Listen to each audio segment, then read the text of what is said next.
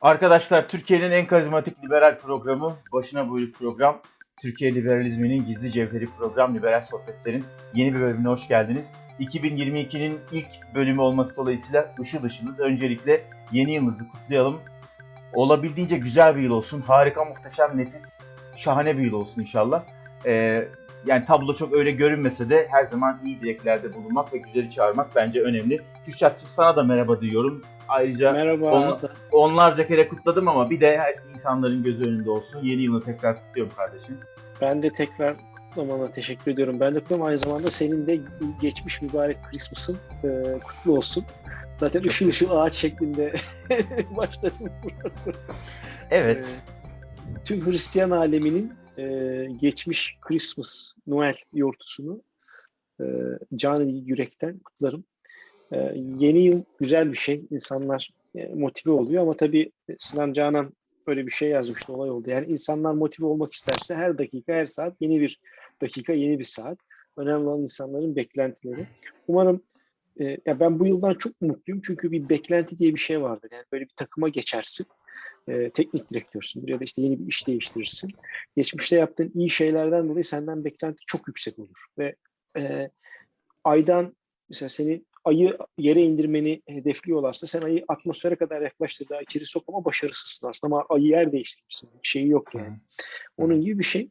O yüzden bu seneden beklentimiz o kadar kötü ki Aralık ayı sağ olsun. Özellikle yani zaten bütün sene kötü gidiyordu ama Aralık ayında yaşanan da- dalgalanmalardan sonra zannediyorum herkesin bu yıldan yani artık pandemiydi, şuydu, buydu işte bir yandan pandemi, bir yandan dolar, bir yandan euro, bir yandan bitcoin topunuz gelin şeklinde motto olduğumuz için Eee, beklentimiz çok düşük. O yüzden ben bu düşük beklentiden dolayı ne yaparsa yapsın overperform bir yıl olarak algısı olacak diye düşünüyorum 2022. Enteresan bir bakış açısı. Ben başka bir şey söyleyeyim aslında. Senin söylediğin tabii yani dibe doğru yaklaşınca ondan sonra her şey iyi olabilir gibi bir yaklaşım var tabii. O da doğru. Fakat ben çok beklenmedik biçimde iyi olacağını düşünüyorum işlerin. Yani bunu bir bunu bir kanıta dayandıramam. Bu bir his. Ama e, elbette bazı dalgalanmalar, çalkanmalar, kötü şeyler olacaktır ya da kötü olarak yorumladığımız şeyler olacaktır ama bence güzel bir faz değişikliği var. Biraz spiritüel konularla ilgileniyorum biliyorsun. Ciddi çalışmalar yapıyorum. E, faz değişikliği insanların kafasında bir anlam ifade etmeyebilir ama iyi şeyler olacak. E, buna inanalım. Şimdi bugün abi şöyle yap, ilerleyelim istiyorum. E, geçen sene de 2021'e hangi gündemlerle girmiştik diye bir program yapmıştık. E, zannediyorum oradakilerin bir kısmında başarılı olduk da bir kısmında saçmalamış, çuvallamış olabiliriz. Geri dönüp programa bakmak lazım. E, yani bugün pro- iki- 2022'nin ilk programı olması dolayısıyla bir takım şeylerden konuşuruz. Yani yıla ilişkin temeller ya da 2021 nasıl geçti ama e, son birkaç günde, son haftalarda bizim yaşadığımız, maruz kaldığımız, içinde olduğumuz olaylarla ilgili konuşalım. Genelde sosyal medyada tabii dönüyor bu işler. Senin bir serbest piyasayı anlatma isteğin var anladığım kadarıyla. Bu yine bir saldırı oldu çünkü. Ee, Ya tabii onun için böyle ayrı özel bir şey de yapmak lazım ama yani serbest piyasadan ziyade şu önemli. Ee, senin de o konuda gireceğin bir detay olacaktır. O esnada hemen bir dururum sen girersin. Yani insanlar eee, kimse beni ya da seni tanımak zorunda değil. Böyle bir beklentimiz yok. Beni tanıyın. sevmek zorunda da değil değil mi? Sevmek zorunda da değil. Hatta görüyorsun ana avrat küfrediyorlar. Dalga geçiyorum. Umurumda değil. Yani ben küfürü çok takan birisi değilim ama küfür edeni ifşa ederim ve özür beklediğim de olur durumuna göre. Yani şeyim Hı. olan birisi ise geçmişte ya da o esnada ilişkim olan birisi ise bugüne kadar geçmişte ilişkim olup da anneme küfreden tek kişi Cem Toker.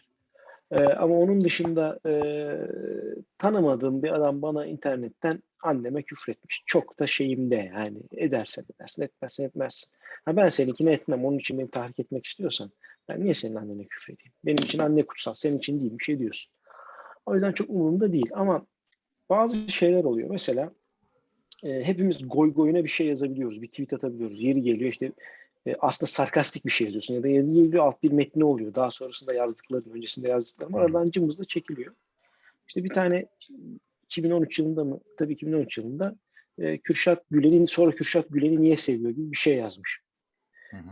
Onu alıp alıp alıp alıp vay FETÖ'cü, vay FETÖ'cü, vay FETÖ'cü itibar suikastı yapıyorsunuz. Arkadaşlar birincisi ben bir ara ciddi ciddi kafaya taktım hatta savcılığa falan gidiyordum. Şirket avukatıyla konuştum falan bir tanesini verecektim artık en son geçen iki hafta evvel falan. verecektim yani. Gittim hazırladım, dilekçemi hazırladım. Sonra tam şey yaparken düşündüm ya dedim ben bu adamları niye bu kadar kafama takıyorum? Yani bu vaktimi ayırmaya değecek insanlar değiller. Ama yapılan bir şey var. Şimdi orada insanların itibar suikastı yapıyorsunuz. Benim ailemi, beni hedef haline getiriyorsunuz. Hı. Ee, bu FETÖ ya FETÖ denme, herkes yani toplum halinde FETÖ dememizin başlangıç tarihi 2016 Haziran ayı, şey Temmuz ayı. 15 Temmuz'dan sonra. Çünkü gerçekten silahlı bazı şeylere girdiğini, terör örgütü olduğunu toplum olarak o zaman anladık bir. İkincisi, e, o mesela Cımbız'ın Twitter öncesine sonrasını göster. Olay şu. Benim algımda Gülen hareketi o dönem e, öyle adlandırıyordum. E, AK Parti'ye yakın duran bir hareketti. E, ve onu yaptığımız esnada AK Parti'nin içinden birileri Gezi aleyhine konuşmaya başlamış. Gezi e, yani hükümetin duruşunun aleyhine konuşmaya başlamış ve bir Yavuz Sultan Selim Köprüsü daha yeni temelleri atılıyordu. Hı. İsmi belli değildi. İsmini o dönem Yavuz Sultan olarak adlandırdılar ve Alevi vatandaşlarımızdan haklı olarak bir tepki geldi. Çünkü onlar için e, bazı tatsız olayları geçmişteki tatsız olayları hatırlatıyor. Bunu diyen bir açıklama yapmış Gülen. Şimdi arkadaşlar beni bilen bilir. Ben kişinin kim olduğuna bakmam. Sözleri değerlendiren bir adam. Yanlış bir kişi. En sevmediğim adam, hayatta gerçekten sevmediğim adam şu an Cem Toker ama Cem Toker böyle doğru bir şey yazdı diyorum. Ha, burada çok doğru söylemiştim. Adamı sevip sevmememiz bu. İkincisi, e, niye seviyor şeyi de şu. Yani o dönem bana çok fazla takılıyorlardı. E, AK Parti yandaşısın, onu seviyorsun, bunu seviyorsun. Ben de ben kimseyi sevmem ya da sevmek zorunda değilim. Ama doğru yaptığı şeylere doğru derim. Bir kişiyi FETÖ'cü ilan için bakmaz gereken bazı şeyler var. Bir, bu adam e, geçmişte FETÖ'den bir şey elde etmiş mi? İki, bu adam geçmişte FETÖ ile organik bir bağ olmuş mu? Paramı almış, bankasından kredi mi almış, e, krediyle devlet kurumu mu satın almış, ondan aldığı krediyle devletten avantalı bir şey mi almış, ne yapmış? Bunlara bakmanız lazım.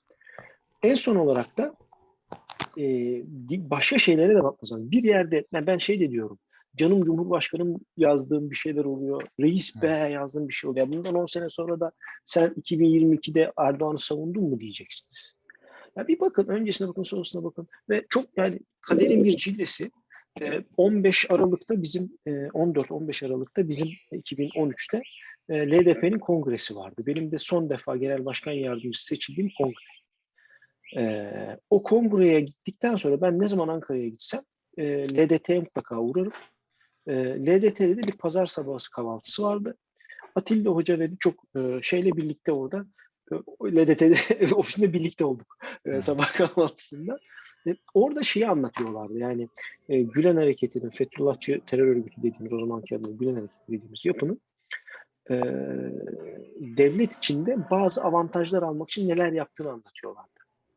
Ve birkaç soru sordum. Ben saf saflığa inanan bir insanım. Bir insanın kötü olduğunu görene kadar o insanın kötü olduğunu düşünmem. İyi bir insan olduğunu düşünüyorum.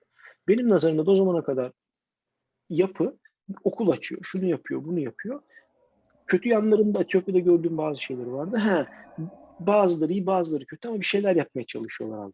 Ama devletin içindeki yapılanmalarını gördükten sonra ben hemen İstanbul'a geldiğimde sabah 16'sıydı yanılmıyorsam ya da akşam e, şeyleri yazdım, sorular yazdım. Yani Gülen Hareketi'nden biriyle görüşebiliyorsam, erişimim olsa bu, bu, bu, bu bunu sorarım diye. Ertesi sabah da 17'sinde zaten 17-25'i başlattılar. Niye dedim? Hakan Şükür de şey yapmıştı, bir açıklama yapmıştı. Ee, hoca istifa etti AK Parti'den o, o akşam. Ve dedi ki hoca dedi e, birçok şeyi de kaseti de engellemişti aslında falan dedi. Çıkacak birçok şeyi engellemişti. Elinizde ne kayıt var? E, bunları açıklayın o zaman. Siz insanları takip mi ediyorsunuz? 28 Şubat sürecinden ne farkı kaldı bunun falan gibi birçok şeyler yazmışım. Onu bulmazlar. İşlerine gelmez. Çünkü ad hominem yapacaklar. Bana FETÖ'cü diyenler FETÖ'cüdür. Bir insanı durup dururken FETÖ'cü ilan edenler çünkü FETÖ'cülüğü sulandırmaya çalışıyorlar. Hı hı. Tamam mı? Evet. Ha, hala hareketin içinde iyi niyetli insanlar olabilir. Hareketin içinde iyi şeyler yapmaya çalışan insanlar olabilir. Ama sen bir insanı durup dururken FETÖ'cü diye teklemeye çalışıyorsan o insanı terörist diyorsun. Hı hı. Çünkü o 15 Temmuz'dan sonraki algı bu. Aynen öyle. Bunları yapmayın. Hele hele bu kısımda senin diyeceğin çok şey var. Anonim hesaplarla hiç yapmayın. Biz anonim hesap kullanmaya karşı değiliz. Değil. Anonimin anonimin eee, bir eee, kalkan gibi kullanılmasına Evet. karşıyız. Yani belli kaygılarla anonim hesap olabilirsin. Ben buna saygı duyuyorum. Belki ben de böyle bir tercih edebilirdim, böyle bir şey tercih edebilirdim ama ben kendi adıma yapmaktan çekinmiyorum. Ve bu konuda senin diyeceklerin var. O yüzden çok detaya girmeyeceğim. Zaten aynı fikirlerdeyiz. İkincisi de şu. eee, o tweet'i de silmiyorum. Hı hı. Yani Kürşat Güler'i neden siliyoruz tweetini de silmiyorum. 3-5 tane gerizekalı bilmem ne evladı Hı e, arkamdan FETÖ'cü diyecek diye geçmişte yazdım. Amacı çok belli olan bir tweet'i silecek bir insan da değilim. Hı hı. Durum bu. E çünkü tabii aslında sildiğin zaman tam olarak belki de onaylamış gibi oluyorsun. Şimdi bu Tabii ki. e, birine FETÖ'cü deme meselesinde birkaç bir şey söylemek istiyorum. Genel olarak anonim hesaplar ya da Twitter üzerinden hakaret, küfür, taciz, özellikle iftira e, ve itibar suikastı gibi şeylerle ilgili benim de birkaç söyleyeceğim şey var ama e, arkadaşlar bakın Türkiye'de binlerce insan gerçekten suçlu olup olmadıklarını bilmediğimiz bir durumda FETÖ'cülük suçlamasıyla, yapıştırmasıyla hatta o hal diliyle insiyaklı olma suçlamasıyla işlerinden oldular, ülke dışına çıkmak zorunda kaldılar. Yani bu öyle birine sıradan bir biçimde kullanabileceğiniz basit bir ifade değil. Yani bunu söyle abi. Çok önemli bir şey. Yani yanlış anlaşılmasın söylediğin şey. Ee, o yüzden müdahale ettim. Lütfen. Biz bu hareketin içinde olup e, bu işe kalkışmış insanlardan bahsetmiyoruz. Bu işin içinde olmayıp iftiraya uğramış insanlardan Tabii tabii tabii. Aynen. Yeni yeni oradan da bir şey yaptılar. Yeni yaptılar da o yüzden söyleyeyim. Yeni yeni KHK'lı olup da görevine yeniden gönderilen insanlar oldu. Bu Evet. insanların 4-5 senesi işsiz gezdi. Bu insanları Evet, evet, evet. bir yerde çalışmak istediğinde çalışamadılar. Bu insanlar ölüme terk edildi. FETÖ'cü değil bir şey değil. KHK ediyor hapse at. Hapse de atmıyor. KHK'lı tutuyor dışarıda. Ya o zaman ispatla ispatlamıyor da tamam diyor değilmişsin de KHK'dan şeyi kaldır onu da kaldırmıyor. Yani çok değişik bir durum oldu. Onu şey yapmak istedim. Ya, e, güzel güzel güzel bir e, detaylandırma yaptın, açıklama yaptın. Aslında şöyle çok uzun konuşmaya gerek yok burada. Bakın bu önemli bir iddia. Türkiye'de şu anda FETÖ'cülük suç. Eğer birinin FETÖ'cü olduğuna ilişkin kanıtlarınız var da bunu paylaşmıyorsanız siz de suçlusunuz. Eğer bu iftiraysa o zaman yine suçlusunuz. O yüzden ben diyorum ki küfür, hakaret sizin kalitenizi gösteren bir şey. Ee, bu Aynen. evet bir, bir ifade özgürlüğüdür ama birine küfür, hakaret ettiğinizde doğal beklentiniz o kişinin nasıl olsa bu insan ifade hürriyetini kullanıyor. O zaman ben de bunu sineye çekeyim diye susması değil. Aynı küfürü yemeniz olmalıdır. Dolayısıyla bence yine kalitenizi, aslında kalitesizliğini gö- kalitesizliğinizi gösteren bir şey. Bir diğeri birisine FETÖ'cü dediğinizde bu iftiraya girdiği için bunu ispatlamak için hukuk içinde bir hukuk içinde yer almaya, hukuk içinde bunu ispatlamaya hazır olmanız gerekiyor. Yani iftira atarsanız dava açarlar. Taciz ederseniz ayrıca dava açarlar. Bu Twitter'la ilgili de bir şey söyleyeceğim arkadaşlar. Anonimlik bir hak. Evet. Kesinlikle öyle. Biz kimseye şey demiyoruz yani e, Twitter'a kimlik kimlikle girilsin, vatandaşlık numarasıyla girilsin falan demiyoruz. Fakat anonimliği bir perde, bir paravan olarak kullanıp açık kimliğiyle, fotoğrafıyla kim olduğu yeri yurdu bilinen, bilinerek hareket eden insanlara saldırıda bulunuyorsanız bunun da bir takım yaptırımları olur. Her şeyden önce Twitter özel bir platform. Siz okumuyor olabilirsiniz ama Twitter'da bir hesap açarken bir sözleşme imzalarsınız. Ben Twitter'a hesap açarken bir sözleşme imzaladım e, ve onu okuyarak imzaladım ve burada aktivitede bulunacağım sürece Twitter'ın benim bazı haklarımı koruyacağına inandığım için oradayım. Dolayısıyla o sözleşmede taciz ve iftira suç. Dolayısıyla o hesap şikayet edildiğinde kapatılabilir. Yani işi şeye getiriyorsunuz. Yani küfür ettim, hakaret ettim, beni engelledi, işte e, beni şikayet etti. Bu ne biçim liberal? Önce sen kendine bak. Sen nasıl bir insansın? Önce insanlığı konuşalım. Liberalliği sonra konuşuruz. Beni liberal bulup bulmamanız çok önemli değil. Ben ne olduğumu ne olmadığımı gayet iyi biliyorum ama küfürle, hakaretle hele de böyle anonim hesaplar üzerinden açık kimlikli birilerine ana avrat sallamak kalitenizi göstermek dışında bir şey yapmıyor. E, hoş değil. E, bir diyalog ortamı yaratmıyor. Dolayısıyla bundan sonra e, şikayette de bulunurum. Eğer iftira atarsanız yaşınıza, paranız olup olmadığına bakmaksızın davayı açarım. Küfür ederseniz muhtemelen küfür de edebilirim, engelleyebilirim, bir şey de yapmayabilirim ama yapmamanızı tercih ederim. Evet yani bir, bir diğer konu da bu serbest piyasa konusuydu.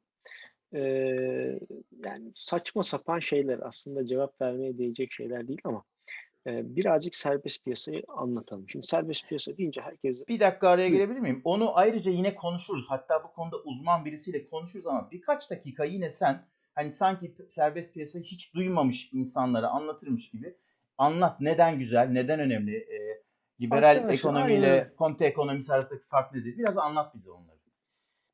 Şimdi burada serbest piyasada en önemli olan şey devlet minimize olmuş ya da hiç dahil olmamış olması lazım piyasaya. Birincisi bu. Devletin dışında güçlerin de aynı şekilde yani özel sektör içerisinde de ayrıcalıkları olan insanlar, işte tekeller, suni kıtlıklar yaratmalar gibi şeylerden de muaf olması lazım. Yani ben suni kıtlık yaratıyorum nasıl serbest piyasa diyemezsiniz. Piyasaya mal ve hizmetin girişi ve çıkışı, fiyatlarının belirlenmesi tarafları ilgilendirir. Yani ben e, diyelim ki şu kalemi satıyorum. E, şu an şu bardağı satıyorum diyelim ki. Bu bardağı satacağım varsayalım. Ben bu bardağı satıyorsam sen de bu bardağı şey işte bu blörleme yakıyor abi bardak diyorsun. Şöyle E, yapalım bu abi. bardağı Bu bardak var ya bu bardak. bu bardak yaşasın bardaklar. Ee, bu bardağı satıyorsan ve sen de bu bardağı almak istiyorsan seninle benim aramdaki bir fiyat belirleme politikası. İkincisi devletin buna ya hiç müdahale etmeyecek ya da sınırlı müdahalesi olacak. Şimdi lifçi teyze üzerinden çıkmıştı. Lifçi teyzem Allah ne verdiyse e, serbest piyasaya, kapitalizme saydırıp ondan sonra da ama bana lif sattırmıyorlar diyor. Sana sattırmazlar ablam çünkü devlet var. Ama e, serbest piyasada şöyle bir şey var. Serbest piyasa özellikle e, rekabetçiliği savunduğu için küçüklerin girmesini savunduğu örnekleri de var serbest piyasanın. Nedir o? Mesela LDP yıllar evvel bunu önerdi. 5 kişiden az adam çalıştırıyorsa bundan vergi alma diyor. Ya bu adam tezgahta açabilsin, şey de yapabilsin. Sen bunu ancak sağlıklı mı satıyor, doğru mu satıyor, yün deyip efendim söyleyeyim, polyester satıyorsa bunu şey yapabilirsin. Alıcının kazıklanmasını engellemen lazım. İkincisi serbest piyasa satıcıların değil, alıcıların rejimidir. Alıcıları korur. Alıcının doğru ürüne doğru fiyatla ulaşmasını sağlar. Neden? Ne dedim? Kıtlığı da çünkü engelliyor. Bunun gibi bazı yaratılmış tekelleri de engelliyor. Arz talebe müdahale ettiğin an devlet olarak sen serbest piyasa diye bir şey yoktur. Bunun detayları var. Uzun uzun anlatırız ama özetle hı. anlatacaksak bu. Giriş çıkışı rahat olacak. Devlet müdahalesi minimumda olacak ya da hiç olmayacak. Keşke hiç olmasa ama olduğu noktalar da var. Dediğim gibi özellikle ve özellikle sınırlandırılmış olarak yapılabilir. İkincisi kendiliğinden bir şekilde düzenlenecek bazı şeyler. Alıcıyla vericinin, e, satıcının kendi arasında şey. Limitler minimize olacak. Yani Panosyan bugün efendim kalem fabrikası açmak istiyorsa devlet herkes kalem fabrikası açabilir ama şu şu şu şu şu şartları deyip ekstra bariyerler çıkarıyorsa bu bariyerlerin olabildiğince küçük olması ve işin doğasını engellemeyecek şey olması lazım. Özetle bu yani daha detaya gireriz de ona özel bir içerik de yaparız. Hı hı. Ee, hatta e, söyleyeyim mi şeyi devadaki konuğumuz olacak. Ee, yakında İbrahim Alper Akalın. Hı. Alper e, konuğumuz olacak. Alper'le konuştuğumuz başlıklardan birisi de bu olur. Tabii yani Alper'le e, sözleştik. Hatta bir akşam bir çekmeye niyetlendik ama geçmiş olsun rahatsızlandı o akşam. E, dolayısıyla erteledik. Hatta yani bugün biraz spontane yapıyoruz kaydı. Belki evvelden organize olsaydık Alper konuk olabilirdi. Ama Alper konuk olacak. Biliyoruz Alper'i seviyorsunuz. Biz de seviyoruz. Zaten Kürşat'la Alper yakın arkadaşlar. E, programda deva propagandasını yapmayı engelleyerek ben de orada bulunacağım. Bu arada e, bu da Damla şeklinde giysi yaparmışım kendime.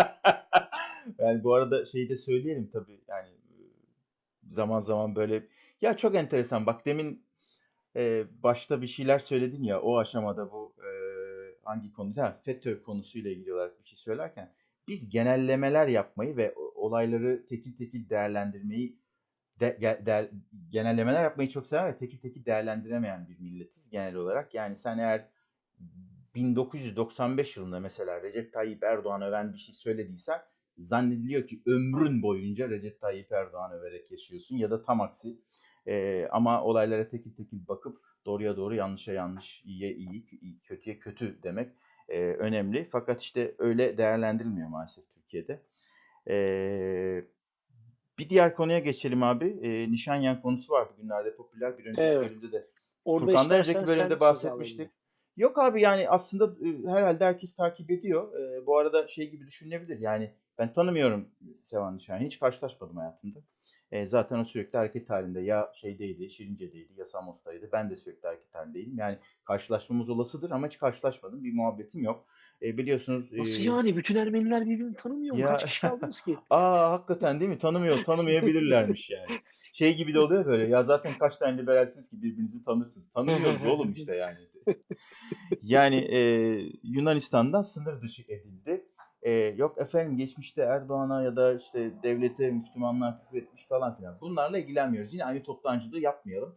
Burada gayet insani bir durum var. Son derece duygusaldı yaptığı konuşma. Üstelik hayatının büyük bir bölümünü Türkiye Cumhuriyeti karşıtlığı üzerine bir söylemle belki geçiren birisi çıkıp diyor ki benim yurdum Türkiye kardeşim. Ben ama söyle. Döndük mü geçen haftaki Cem e, Aynen öyle. şeye Aynen öyle. Cem, Cem Karaca'nın Karaca. şarkısı. Şimdi bakın Cem bu şarkısı. bakın bu çok güzel bir şey yani. Çok güzel bir hikaye. Bu bizi seyir, bizi tenezzül edip seyretmez seven muhtemelen de.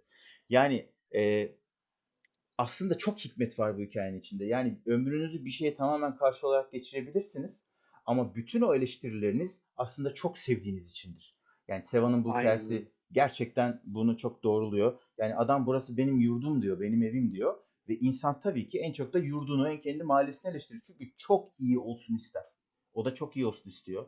E, evet dili biraz sivri. E, herkesin kendine göre bir jargonu var. Yani bazı forvet çok iyi. E, yani ne bileyim 40 gol atıyor. Çok da yumuşak kimsenin kalbini kırmadan oynuyor. Zarar vermeden oynuyor.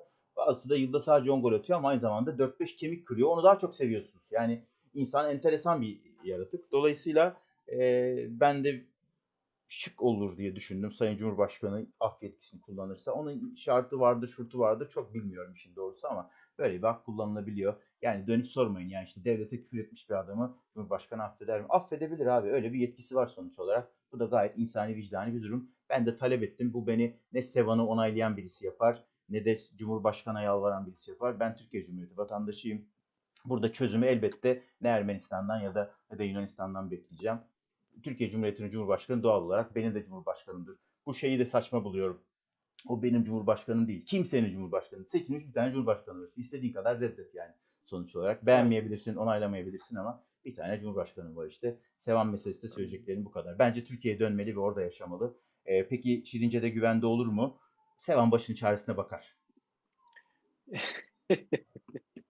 Ya özellikle bir de ben e, İra Hanım'ın konudaki duruş çok yani çok hoşuma gitti. Onu söylemeden yapamayacağım. Yani e, şeyi yokmuş onu gördük. Yani bu e, farklı bir şeymiş. İnsan insanı sevmesi çok güzel bir Evet, şeymiş. evet, farklı evet, bir şeymiş. evet. İra evet. Hanım'a da buradan selam ve saygılar Sevgiler, saygılar. Sevan'a da yani izler mi izlemez mi bilmiyorum. Belki keserler mentionlarla da önüne düşürürler bir şey yaparlar hı. bilmiyorum ama hı. ben Sevan'ı seviyorum. Ee, bütün o zıtlıklarını, tersliklerini, kuysuzluklarını seviyorum. Onu da öyle seviyoruz. İkincisi Sevan ömrünü, Sevan Nişanyan ömrünü bu memleketin köylerinin, mezralarının isimlerinin tarihine adamış.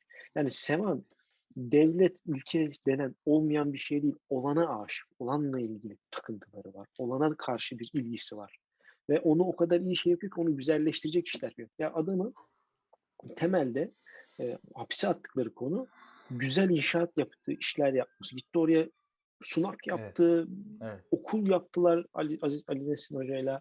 Yani birçok şeyler yaptılar. E, Sevan bu ülkenin bir değeridir. Sevan'ın çok- geçmişte Ka- kardeşim Söyle. çok çok özür diliyorum yani.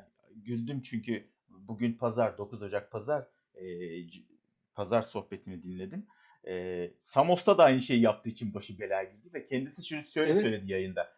Ben akıllanmayacağım. Yani bir aptal bunu yapar ve ben akıllanmayacağım diyerek durumunu çok net izah etti. Yani Samos'tan kovulma sebebi de o. Çünkü şey biliyorsun. e, şey demiş komşuları burayı Türkler basıyor falan diye. Ya yok öyle bir Evet, şey evet, evet, evet, evet. Siz köyü bomboş bırakmışsınız. Adam da inşa ediyor işte. ya o e, ay, ay- neydi? Ayı ne dedi komşusunu unuttum ya. Bir sorunlu komşusu varmış. evet, evet. o bir, bipli bipli bir şey söyledi yani çok e, bu biz söylemeyelim şimdi. Sevan'a yakışır. Yani Sevan'ın ağzında Sevan, çok güzel Sevan. duruyor. Sevan'ın ağzına yakışır abi. Sevan kendine yakıştırarak yapıyor. Yani. Evet, evet. Ya işte kızamıyorum ben. Ama tabii ki yani hataları olabilir. Bir de şu var. Ya bir insanın fikri anlamda hatalarının olması o insanı canavarlaştıracağımızı gerektiren bir şey değil. Yani işte yıllar evvel eşiyle bir tartışması var boşanma sürecinde. Bize ne Orada ya? yaptığı bir şey var. Beni ilgilendirmiyor abi. Kendileri zaten aralarında konuşmuş, anlaşmışlar, bitmiş. Dönüp dönüp insan hata yapabilir. Ya en güzel örnek şimdi iki tane çocuk büyütüyorum. Ee, şeyi görüyorsun. Hata yaptığında aşırı kızıyorsun. Sonra diyorsun ki ya bir dakika bu hatayla öğreniyor. Yani bu hata onun şeyi ama o esnada feci kızıyorsun. O esnada kalıyor. Dönüp dönüp sen dün şunu kırmıştın demiyorsun çocuğa yani. Ha, diyen Ya- anneler var. Onların çocukları da manyak oluyor işte demeyin Ya kardeşim. Kürşatçığım bak burada yine e, yani e, filozofyanın bir şeyler söylemek istiyor. Şimdi insanların yanlışlarını ya da kendili kendilerine göre yanlış bulduğu bulduğu noktalarını, söylemlerini, eylemlerini eleştiren insanlar şöyle bir noktadan hareket ediyorlar. Sanki kendileri hiç yanlış yapmamışlar ve yanlış Tabii canım, yapılınca Tabii e, canım. eleştirilmemeleri gerekiyor. Yani arkadaşlar insanlar hata yaparlar ya. Yani e, ve hatada ısrar da edebilir. İşte örneği verdim. Bu bir karakter meselesi. Ben aptalım ve bunu muhtemelen bunu yapmaya devam edeceğim diyor. Yani e, insan iki güzel kasabadan aynı şekilde kovulup üçüncü hatada ısrar edeceğini söyler mi? İşte bazı insanlar söyleyebiliyorlar abi. Farz edin ki bu insan amcanız, kardeşiniz, dayınız, babanız. Yani sizi mükemmel yapan şey ne oğlum? Yani onu soruyorum. Sen Aynen mükemmel olduğuna nereden inanıyorsun yani? Senin herkese eleştirme hakkın nereden geliyor? Sen bütün bu doğruları nereden öğrendin? O kitapların kaynaklarını bize söyle. Biz de bir öğrenelim be. Ha? Yani herkesi bu kadar kolay eleştirmek ben sık sıklıkla söylüyorum. Tekrar edeyim. Burada da yani video olarak da kayıtlara geçsin. Kendiniz için ne istiyorsanız dünyaya onu vermelisiniz arkadaşlar. Etrafı sürekli Aynen. eleştirip, hakaret edip, küfür edip herkesin sizi sevmesini bekleyemezsiniz. O yüzden mutsuzsunuz ya ve muhtemelen bu tutumu devam ettirdiğiniz müddetçe de mutsuz olmaya devam edeceksiniz. Ya, şey sözüm var ya benim en sevdiğim sözüm. Finlandiya olmak istiyorsan Finlandiya Kürşat Çetinkoz'dan inciler. Geçen birisi daha kullanmış şey yapacaktım. Ee, yalnız patenti bende diye. ya çok özel bir şey söyleyeceğim. Değişmemiz gerekiyor. Yani hayatta hata yaptığımızı, hatalar yapılabileceğini anlamamız gerekiyor. Hı hı. Ee, eskide ısrarın bir anlamı yok. Hı hı. Ee, insanların e, hatalarının e, sanki dünyayı yıkmış gibi yüzlerine vurulmasının, sürekli vurulmasının bir anlamı. Bir bedel ödediyse bir insan bununla ilgili. Ya hata böyledir. Green Mile'ı izlemiş miydin? Ee, İzledim. Tom Hanks'in. Orada bir sahne vardı. Belki daha evvel başka programda söyledim mi öyle hatırlıyorum ama o sahne benim hayatımda çok fikrimi değiştirmişti. Bir e, katil ya da tecavüzcü tam hatırlamıyorum. E, elektrikli sandalyede işte, e, öldürülüyor.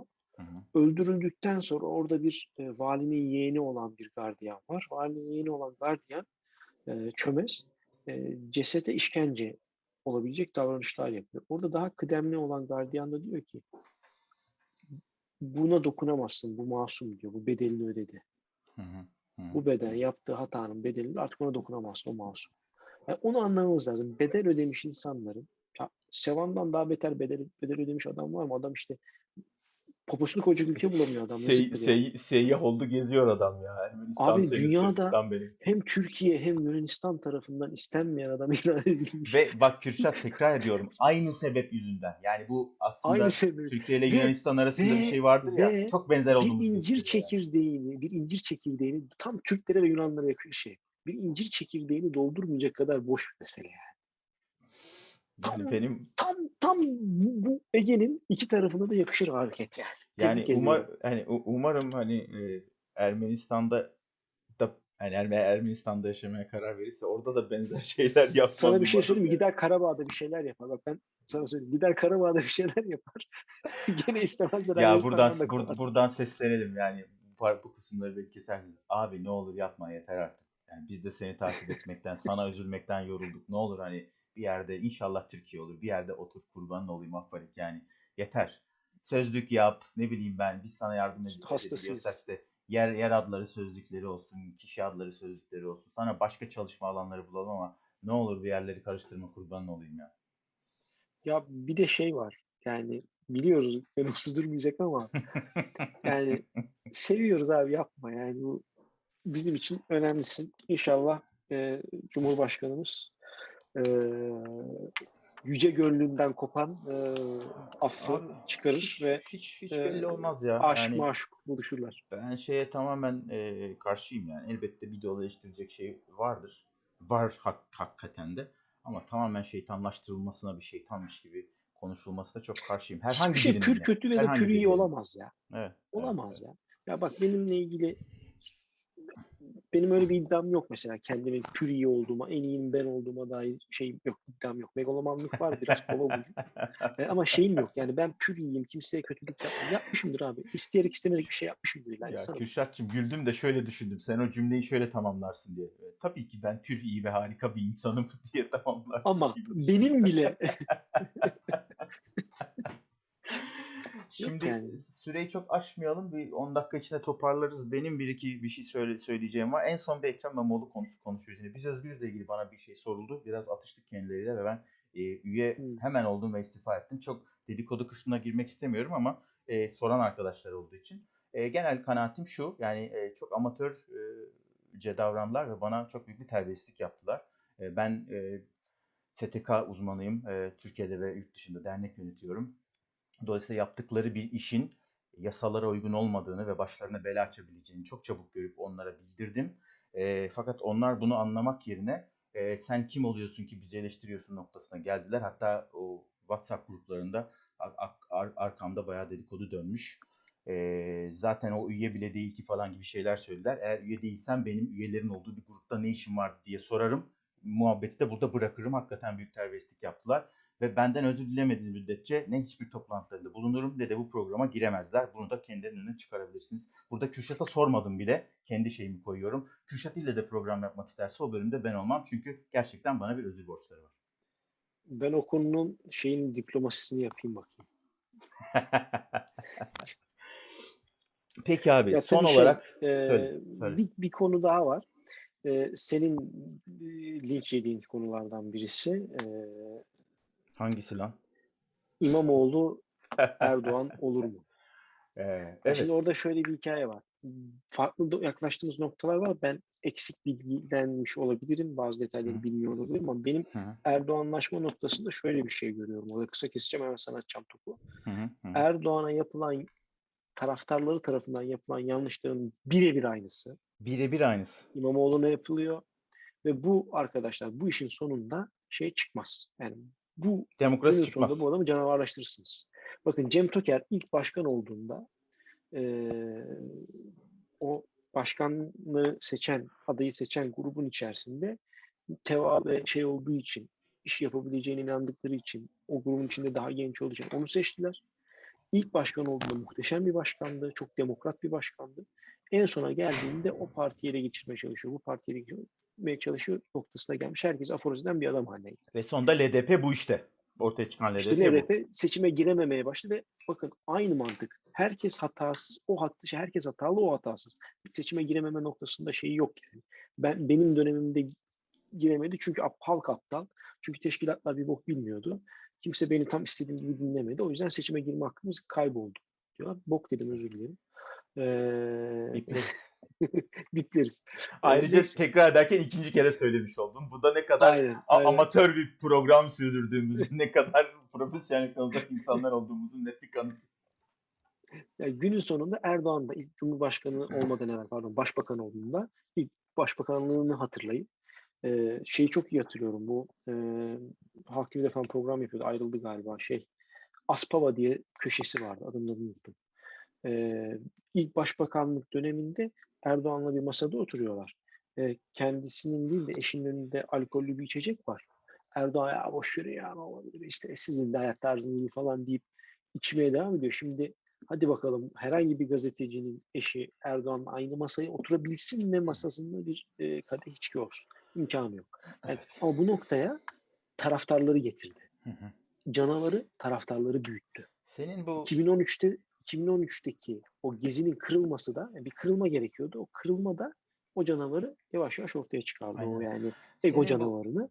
senin ortaya bu çıkar. hatırlatman çok iyi oldu. Çünkü e, yani özellikle e, özellikle bir siyasi figürün, çoğunlukla bir siyasi figürün hayran kitlesi tarafından, takipçileri tarafından e, tanrısallaştırılması bir kadiri mutlak haline getirilmesi. Dünyada çok örneği var. Hitler hakeza en belki sivri örneklerinden bir tanesi. Şeyh uçurmaz mürit uçur diye bir şey var. Ve gerçekten bu, bu tutumun başka türlü bir profil çıkarması olanaksızdır. Şimdi Ekrem İmamoğlu konusunda Kürşat'ın e, verdiği zemin, inşa ettiği zeminin üzerine bir şeyler söyleyeceğim ama esas sebebe gelmeden önce, bir örnek vermeden önce başka bir matematiksel açıdan yaklaşacağım. Yani neden Ekrem İmamoğlu'nun adaylığı aynı zamanda matematiksel olarak da, istatistiksel olarak da yanlış. Ekrem Bey 51 yaşında yanlış bilmiyorsam. E, biz seçimlerin önümüzdeki sene yapılacağını varsayarsak 52 olacak. Hadi diyelim ki işte ben yanlış biliyor olayım 53 olsun. 53'te kalalım. Şimdi diyoruz ki biz 53'te Cumhurbaşkanı seçilsin. 5 sene Cumhurbaşkanlığı yapsın. ikinci dönemi başarabilirse yani 63 yaşına geldiğinde emekli olsun istiyoruz. Yani siyasette, politikada son derece tecrübe kazanmış, devlet yönetimini öğrenmiş, belki de çok daha yararlı olabileceği bir noktada bu adamı emekli edelim diyoruz. Aynı problem şu anda Abdullah Gül'de var. Benim Abdullah Gül, Abdullah Beyefendi'yi çok sevmediğimi gayet iyi biliyorsunuz. Ama e, hala hizmet edebilir durumda. Hatta belki eski performansından çok daha iyi bir olgunlukla, performansla hizmet edebilir durumda. Ne yapacağız şimdi mesela? Ekrem İmamoğlu istifa edince Abdullah Gül İstanbul Büyükşehir Belediye Başkanı mı yapacağız? Bir önceki yayında söylemiştim. Çok zamansız Cumhurbaşkanı oldu Abdullah Bey. Karakterinden bağımsız olarak söylüyorum bunu.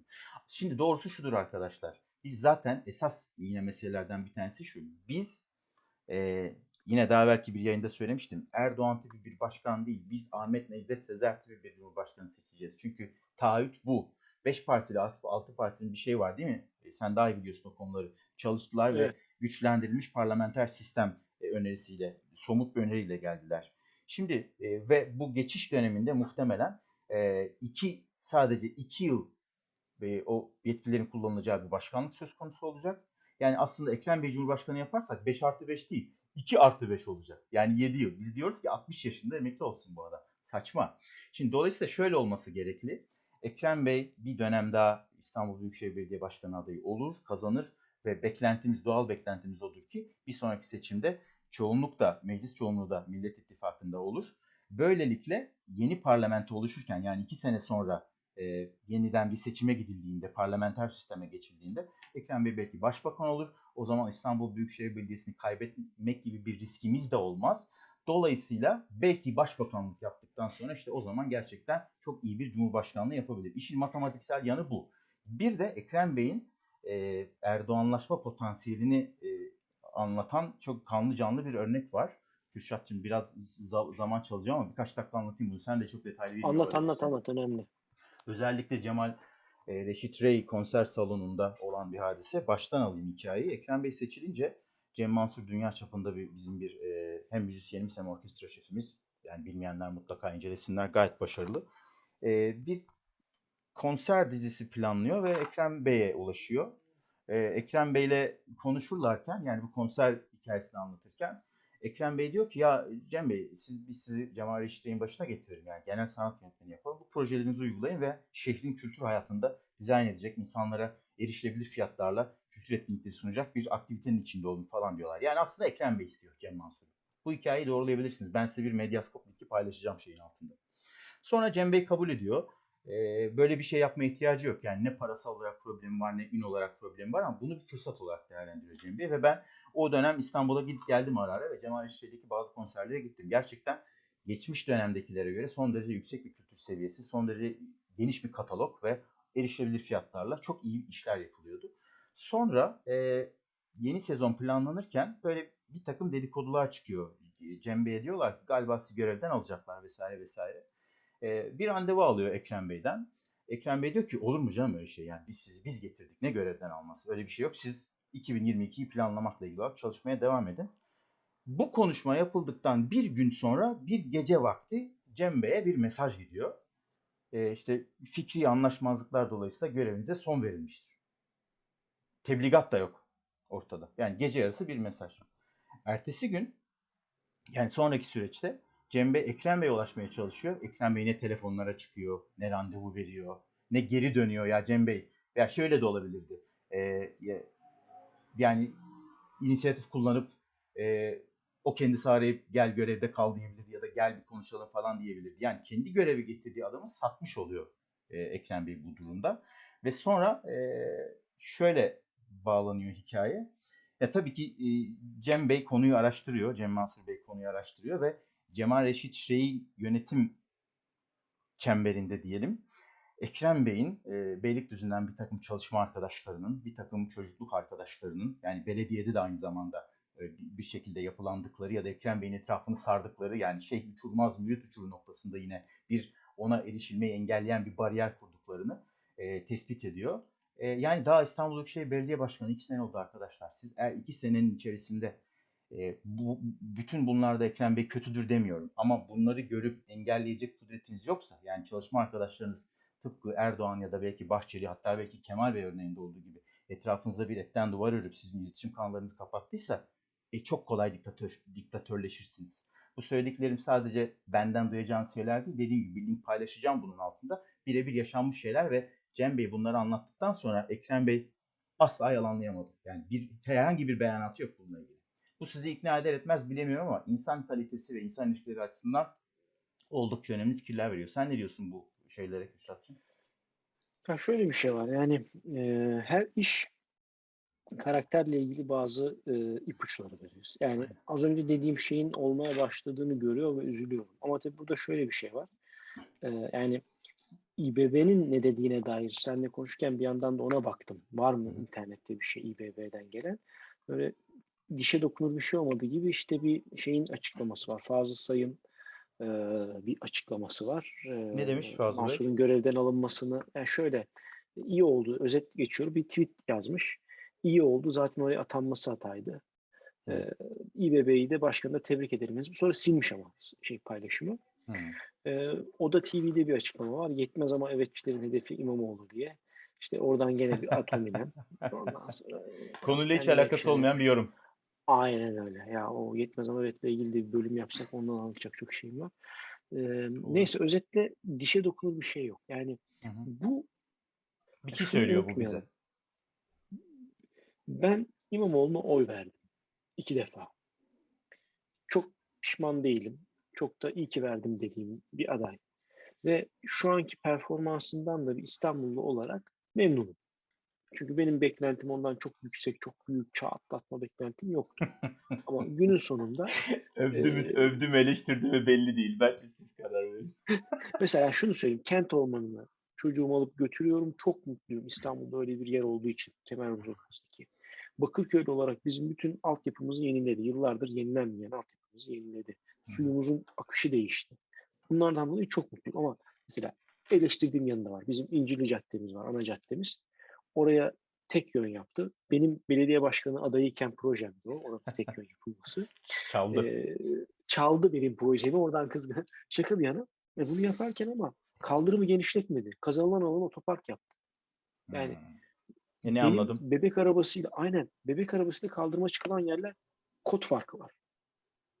Şimdi bunu oturup kendi kontrol etmeyecek ama öyle bir ekip kuracak ki onu da oraya yaptırtmayacak. Benim paramla Ha.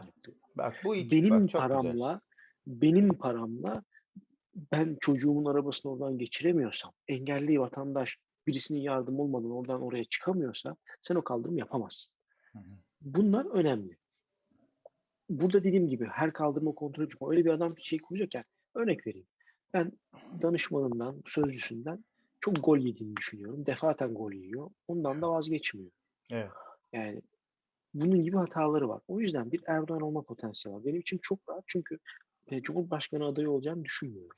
Çok Evet. istediğini, um- umduğunu düşünüyorum ama olabileceğini düşünmüyorum. E, çünkü bir şeye dikkat çekeceğim. Bu da hadi benden şey olsun. Burnuma gelen koku, kulağıma gelen düğüm değil. Birden çok fazla denetleme gelmeye başladı. Bu denetlemelerin amacı şu. e, iki amacı olabilir bence. Birincisi şu. Aday olursa ve başkanlıktan istifa ederse yeni gelen yönetimin bak ne yolsuzluklar bulduk diyebileceği küçük açıklar bulmak. Hı hı. Çünkü belli kimin kim cum- onun gitmesinden de kimin başkan olacağı da belli. Esenler Başkanı da başkan yapacaklar. Yani özetle aynen öyle. Ee, özetle şunu yapmaya çalışıyorlar gibi görüyorum. Veri topluyor. Küçük açıklar büyütebileceği küçük açıklar buluyor. Belki büyük açık varsa onu da bulacak. Ardından da buna gittiğinde meclisi zaten kendi elinde AK Parti'nin. Hı. daha sonra Cumhur İttifakı'nın. Ee, aynı şekilde başkan Cumhur İttifakı'na geçtiğinde o yolsuzluk şeyleri takıldığında hem Cumhurbaşkanı adayını itibarsızlaştıracaksın Hem belediye itibarsızlaştırdı. hem de belediyeyi tekrar kendinde İşte tutacaksın. Kürşat Bu oyuna- büyük oyunu çözdü. Neden aday olmamalı sorusuna bence verecek en güzel Aynen. cevap bu. Bir de FED'deki 5 aile var biliyorsun. ne abi her şey toparlayalım. Toparlayalım. Toparlıyorum. süremizi ya. Son bir şey daha diyeceğim. Çok kısa Tabii. bir şey diyeceğim. Ee, Temel Dede, Temel Karamollaoğlu e, hastaneye kaldırılmış Covid'den dolayı. Geçmiş Ee, olsun. geçmiş diyoruz. olsun. Yani ciddi bir şey yok ama tedbir amaçlıyordu ama belli bir yaştan sonra tabii ki riskli. Evet. Ee, inşallah acil şifalar diliyorum. Ee, kendisi Türk siyasetinde bence önemli bir isim. Önemli Çok. bir figür. Bir denge unsuru. E, alakasız not gibi gelebilir ama Temel Karo Temel Temel Bey'e soy isim söylemedim ya. Karamollaoğlu. Temel- Temel Bey'e geçmiş olsun demek bizi siyasal İslamcı yapmaz arkadaşlar. Dayak yersiniz. Aynen. Çok teşekkürler. Ee, böyle geçmiş olsunu da bitirdik. Umarım her şey gönlünüzce olur bu 2022 senesinde. Ee, kanalı beğenmeyi, zile basmayı, yorum yapmayı unutmayın. Ve Twitter'da Kürşat Çetinkoz'la Panosyan'ı takip etmeyi de unutmayın. Unutmayın. Mümkünse küfür hakaret etmeyin. Küfür hakaret ettiğiniz için engellenirseniz bunlar ne biçim liberal, bunlar ne biçim liberal falan demeyin. İftira atmayın. Dava dava konusu olabilirsiniz. Olmayabilirsiniz ama olursanız şaşırmayın. Ee, ben aslında bu geçtiğimiz hafta benim bir dava girişimim oldu. Onu anlatacaktım ama bir sonraki bölümde olsa süre uzamasın. Bir sonraki bölüme kalsın. Oo, Tabii tabii. süper. Çok da çok da çok da eğlenceli Merak bir hikaye uyandırdı. aslında. Evet, çok da eğlenceli Tamam, bir hikaye tamam. aslında. 15 yaşında bir genç kardeş çıktı. Ee, telefonda babasının e, kaldığı durumu ve o 15 yaşındaki kardeşin ağlayarak özür dilemesini falan anlatmayı çok isterim ama bir sonraki bölümde anlatalım. Ee, şimdilik bunu bitirmiş olalım. Biraz serbest küs yapmak istedik arkadaşlar.